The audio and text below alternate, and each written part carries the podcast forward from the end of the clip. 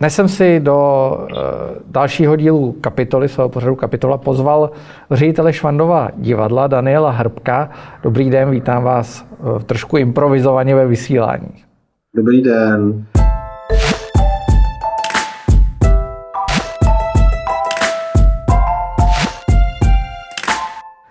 já jsem se chtěl zeptat, Moje první otázka bude taková netradiční. Německá vláda schválila 50 miliard euro na podporu kultury. Co na to říkáte? No, že to je krásný. Eh, koukal jsem, že i moji američtí kolegové z New Yorku, se kterými spolupracuju, eh, tak eh, tenhle ten článek přejímají a, a sdílí ho na sociálních sítích, který jsme všichni zaregistrovali. No, je to skvělý, no, ale tak bavíme se taky o zemi, která je ve velkém přebytku, že?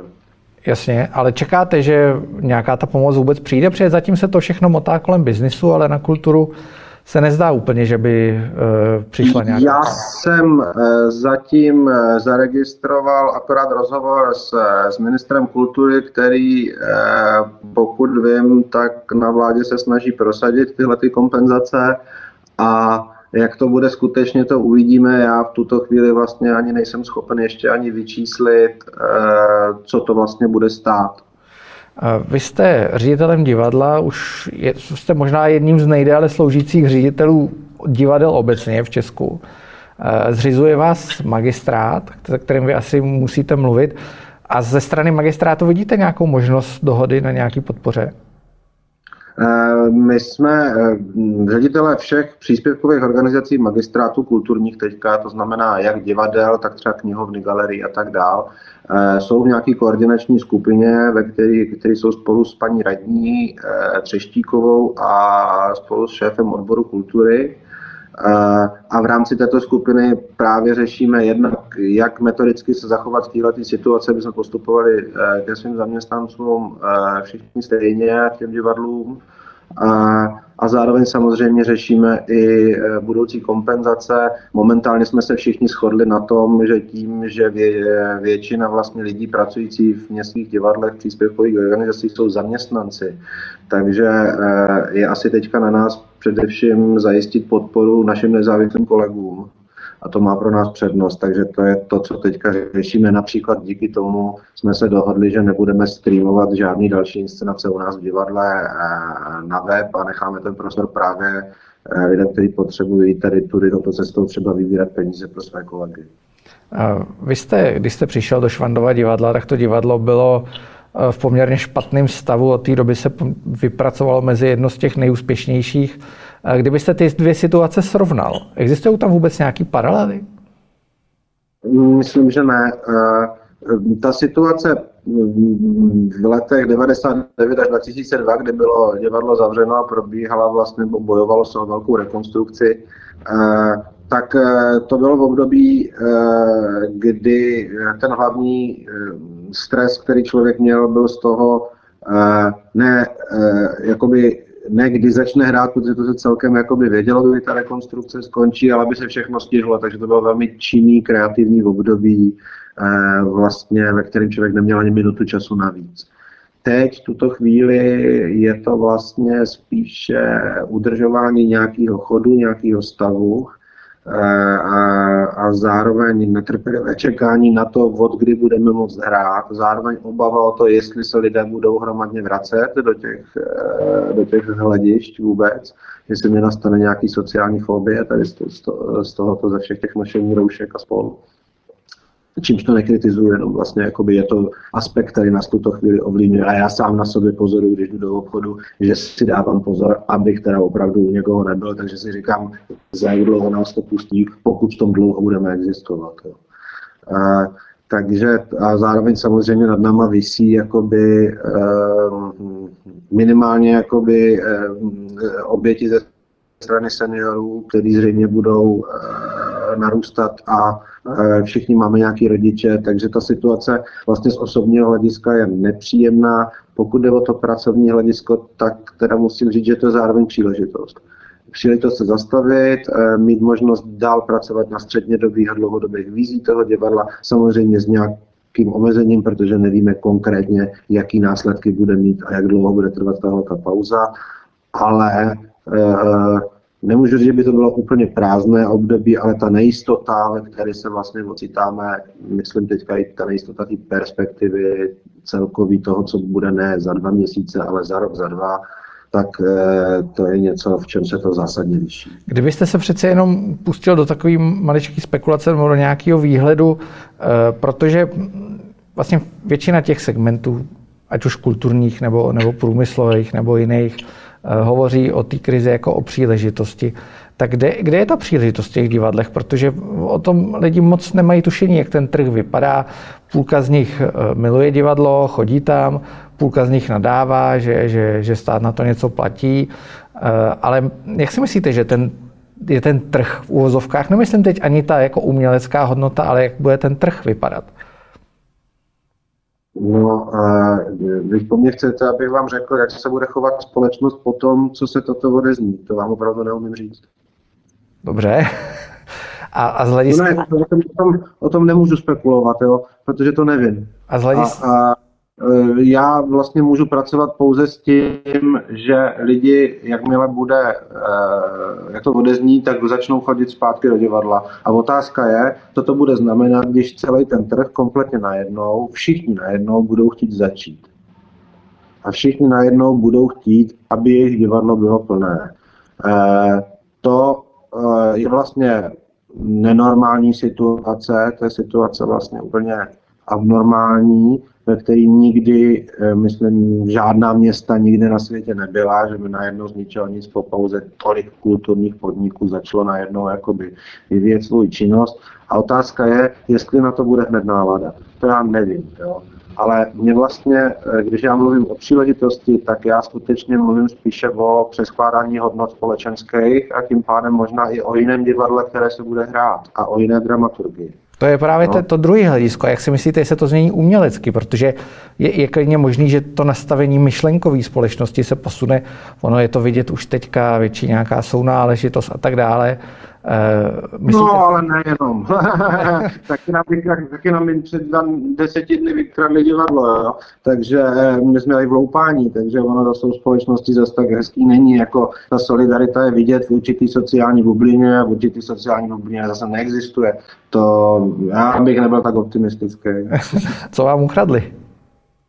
Uh, to byla strašně komický Eh, začala hned eh, zvonit alarm a přijeli policajti a vyrušili jsme je, tím pádem oni nestihli ukrást nic, naopak nám tam něco nechali zřejmě z předchozího lupu, ale nemůžu o tom eh, mluvit víc, protože o to požádala policie. Tak to jste měli docela štěstí. Ale co vlastně teďka dělají herci? Protože já, hmm. je možnost třeba zkoušet? Nebo je to zakázaný taky?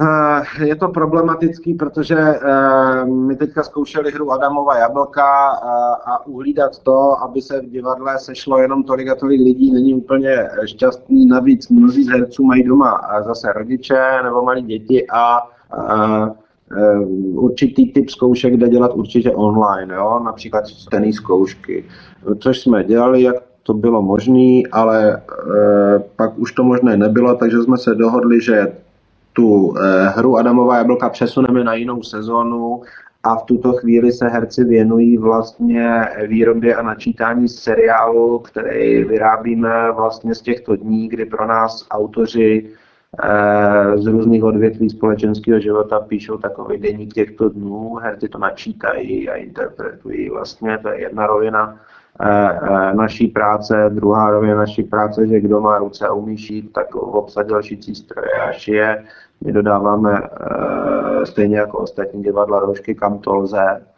Uh, a jsme jich schopni šít zhruba 600-700 týdně, uh, což se děje, takže to je další část práce. Kromě toho se samozřejmě vyrábí dekorace k načatým zkoušením, to znamená, že šéf výroby a výroba pracuje.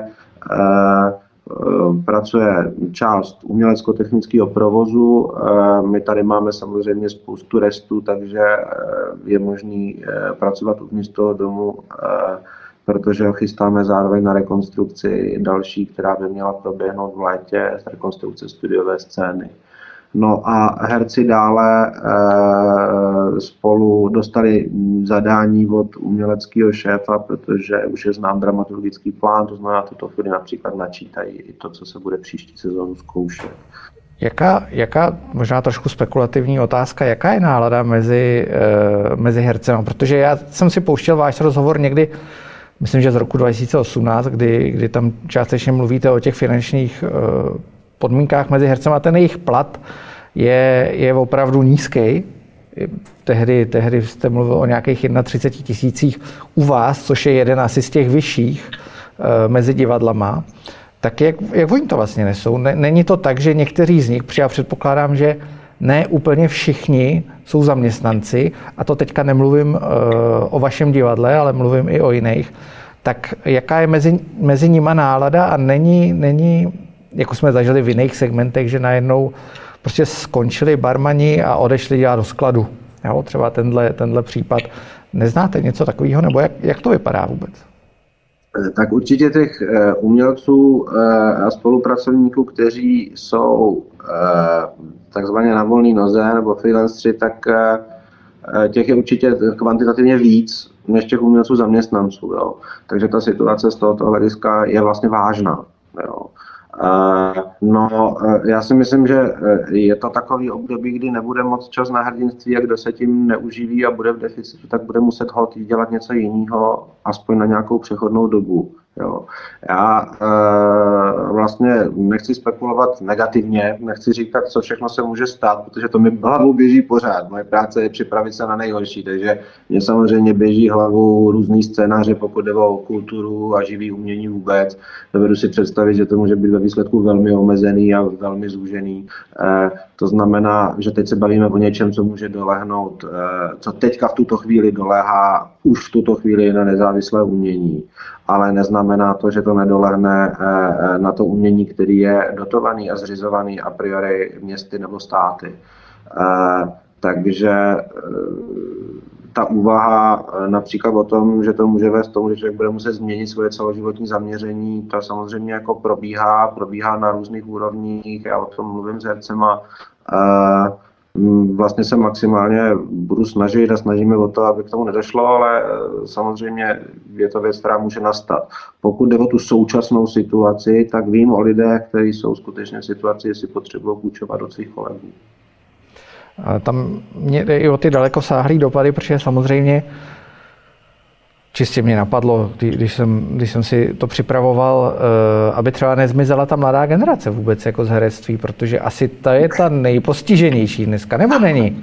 Ježíš, tráva proroste betonem. Eh, mladá generace... Ne mladá generace, ale, ale ty absolventi těch škol vlastně, že... No, to je to nezlomí. Eh, já učím na, na Adamu, jo. Já mám svůj ročník, se který jsem momentálně včera jsem měl online výuku a ve čtvrtek mám další. Eh, neprožívají to vůbec jako situaci tragickou, eh, pro ně je to vlastně v tuto chvíli spíš vzrušující záležitost. Eh, moje generace měla společný zážitek revoluce v roce 1989. Tato generace má společný zážitek bohužel COVID-19, ale ten zážitek z toho, že se společnost zastaví, že věci, které jsou nám normálně umožněny, najednou nejsou povoleny. Ta tragédie, která třeba aspoň mě na mě dolíhá zavření hranic e, strašným způsobem, to jsou věci, které vlastně vnímám jako závažní.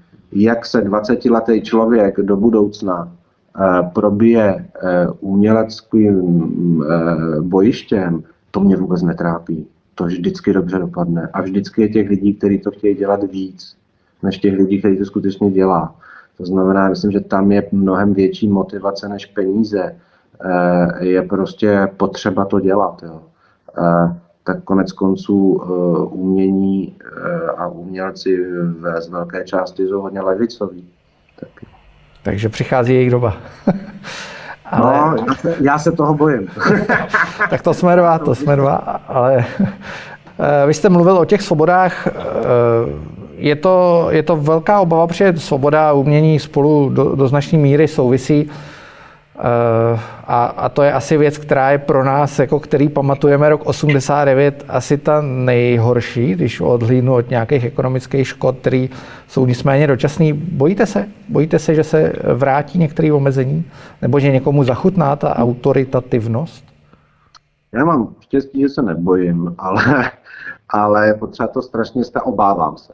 Obávám se eh, velmi, pro mě eh, je jakoby to, že máme v čele státu STBK eh, velký problém. Eh, zkrátka nemám, nemám v předsedu vlády absolutně žádnou důvěru eh, vzhledem k jeho minulosti, vzhledem k tomu, že neumí udržet myšlenku, když mluví na tiskové konferenci.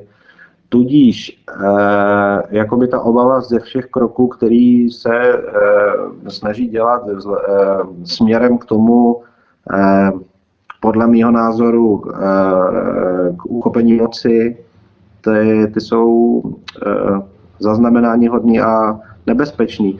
Ta iniciativa pana ministra obrany, eh, aby bylo možné v době nouze vládnout bez parlamentu a že může do budoucna i o takových věcech nebo zásadně rozhodovat pouze jedna osoba, tak ten návrh, eh, byť ve stádu úvah, mě včera fascinovalo v televizi, když řekli, že šlo jenom o špatný načasování. No jestli šlo o špatný načasování, to znamená, že ta hovadina může přijít na pořad dne ještě jindy. A toto by bylo zásadní omezení například svobod a já bych se velmi obával žít ve státě, ve kterém je něco takového možné. Takže ano, já se velmi obávám ztráty svobod a velmi se obávám toho, jestli tento stav a to, na co si vlastně část občanů zvykne eh, během této doby, jestli se s tím nebude politicky pracovat, protože si nemyslím, že by tady byla nadpolovičná lidí, skupina lidí, který by to vadilo. Jasně. Já trošku to spojím s tím uměním. Eh, já jsem čet, čtu teďka jednu knížku, kde se eh, hodně hovoří o tom, že, že kvalita divadel nebo kvalita těch divadelních her v těch čas, časech vlastně té konjunktury, toho růstu, byla jak velmi pochybná. Jo? To je možná trošku provokativní myšlenka, ale přece jenom se o ní pokusím. Eh, byla velmi pochybná. A ne, protože byla málo provokativní. Byla málo provokativní a nebyla politická. Jo? Není teďka trošku čas vlastně se vrátit k, eh, k té provokaci. Což je teda americký příklad, abych byl přesný, jo? není to český příklad. No právě, protože český politický divadlo je na vzestupu a, a pokud jde o politický Švandrovo divadlo je třeba plný. Jo. Takže tady, tady vlastně jako my spíš máme na co navazovat, než bychom se obraceli k něčemu novému.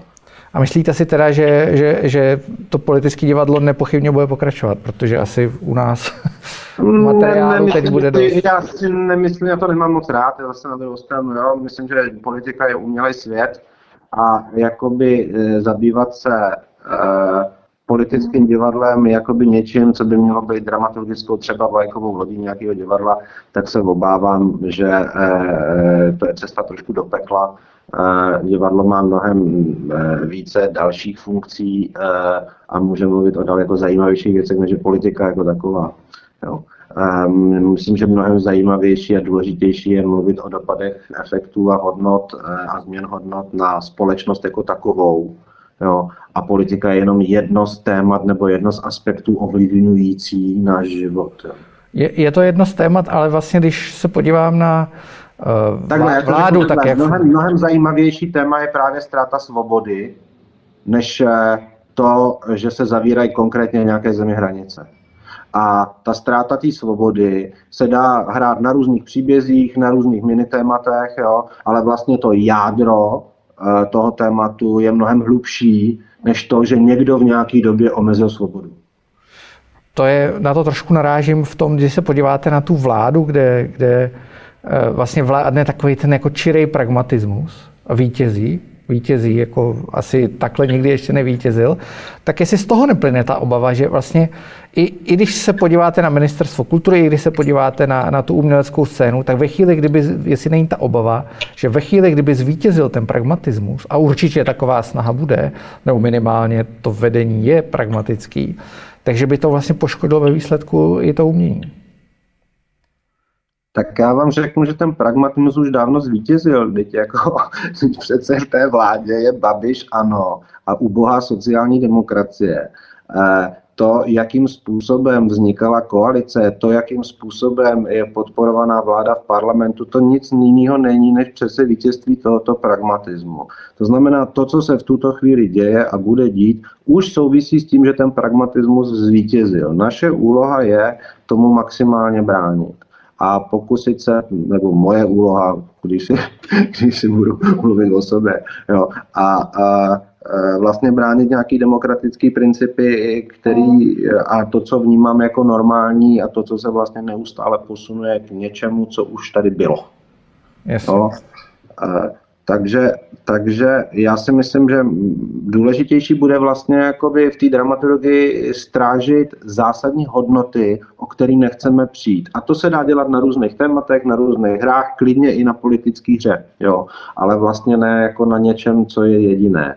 Ono taky někdy není ne, ne, zajímavé podívat se naopak do minulosti té země a hledat vlastně podobnosti v tom, co se děje teď a v tom, co se dělo, když si ono to někdy je mnohem víc, eh, má mnohem větší vypovídací hodnotu. My například u nás hrajeme Havlův protest, a k němu přidáváme Hejdukův rest, což je hra napsaná eh, před nějakými čtyřma lety a je to pokračování vlastně osudu těch postav toho totalitního dizentu v současnosti a vlastně na těch dvou eh, je vidět, jak, jak ta společnost přešla přes nějaký bod, eh, kdy byla, pokud jde o základní svobody, asi na vrcholu a postupně to trošku mizí, nebo trošku mizí.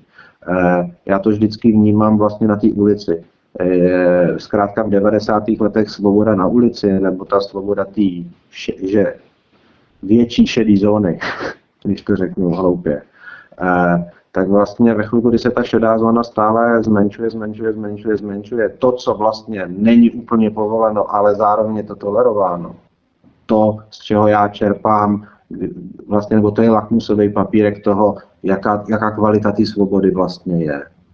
Jestli vás zkrátka na ulici policajt zastaví a bude mlátit kvůli tomu, že kouříte joint, anebo ne. Jo? A to je taková jedna blbost, na který se vla... a dneska by zmlátil. Dneska mám pocit prostě, že proti těm 90. bych měl minimálně problém, musel by se legitimovat a já nevím co všechno. Jasně, není to legální. Ano, ale v tom to právě dává vám pokoj stát. Eh, to jsme ale u státu. A když se podíváte na tu současnou situaci, kdy některé ty výpadky státu vlastně nahrazuje ten soukromý sektor nebo ten soukromý kapitál, jak to vypadá vlastně eh, v divadlech? Cítíte nějakou jako podporu ze strany toho soukromého kapitálu? Jsou nepochybně skupiny, eh, které podporují řadu divadel a, a organizují lecos, platí lecos. Nepřišel teda čas, aby když ten stát vítězí ten pragmatismus, tak jestli nepřišel čas toho soukromého kapitálu, aby začal podporovat umění? No, víte co, ono jde o to, jak na tom ten soukromý kapitál po tomhle tom bude. E, já bych jako by nebyl v tomto příliš optimistický. Jo. Já si myslím, že spíš budeme svědky toho, že sponzoři budou odcházet. Jo. E, aspoň nějakou dobu, než se to zase vrátí zpátky. Ale e, u nás vlastně ten problém eh, například toho darování nebo sponsoringu je zase svázaný s tím, co schválil nebo neschválil parlament. Zkrátka, dokud nebudou daňové asignace, dokud nebudu moct rozhodnout, že část mých daní půjde na konkrétní věc, například na to, že chci sponzorovat jako občan eh, nějaký divadlo nebo kulturu, pokud tohle to nebude, tak zkrátka se to hromadné darovávání nedá očekávat. A ta kultura toho darování je přitom něco, co, jak vidíme v takových těžkých dobách, je nám relativně vlastní. Je to tak. Eh, já vám děkuju, že jste přijal pozvání i s menším telekomunikačním výpadkem. Promiňte. Eh, přeju vám hodně štěstí a doufám, že se uvidíme, uslyšíme v lepších šatech, šatech časech osobně. Já doufám. V šatech možná taky. tak jo, díky moc. Tady toho. Přesně, mějte se hezky, naschle.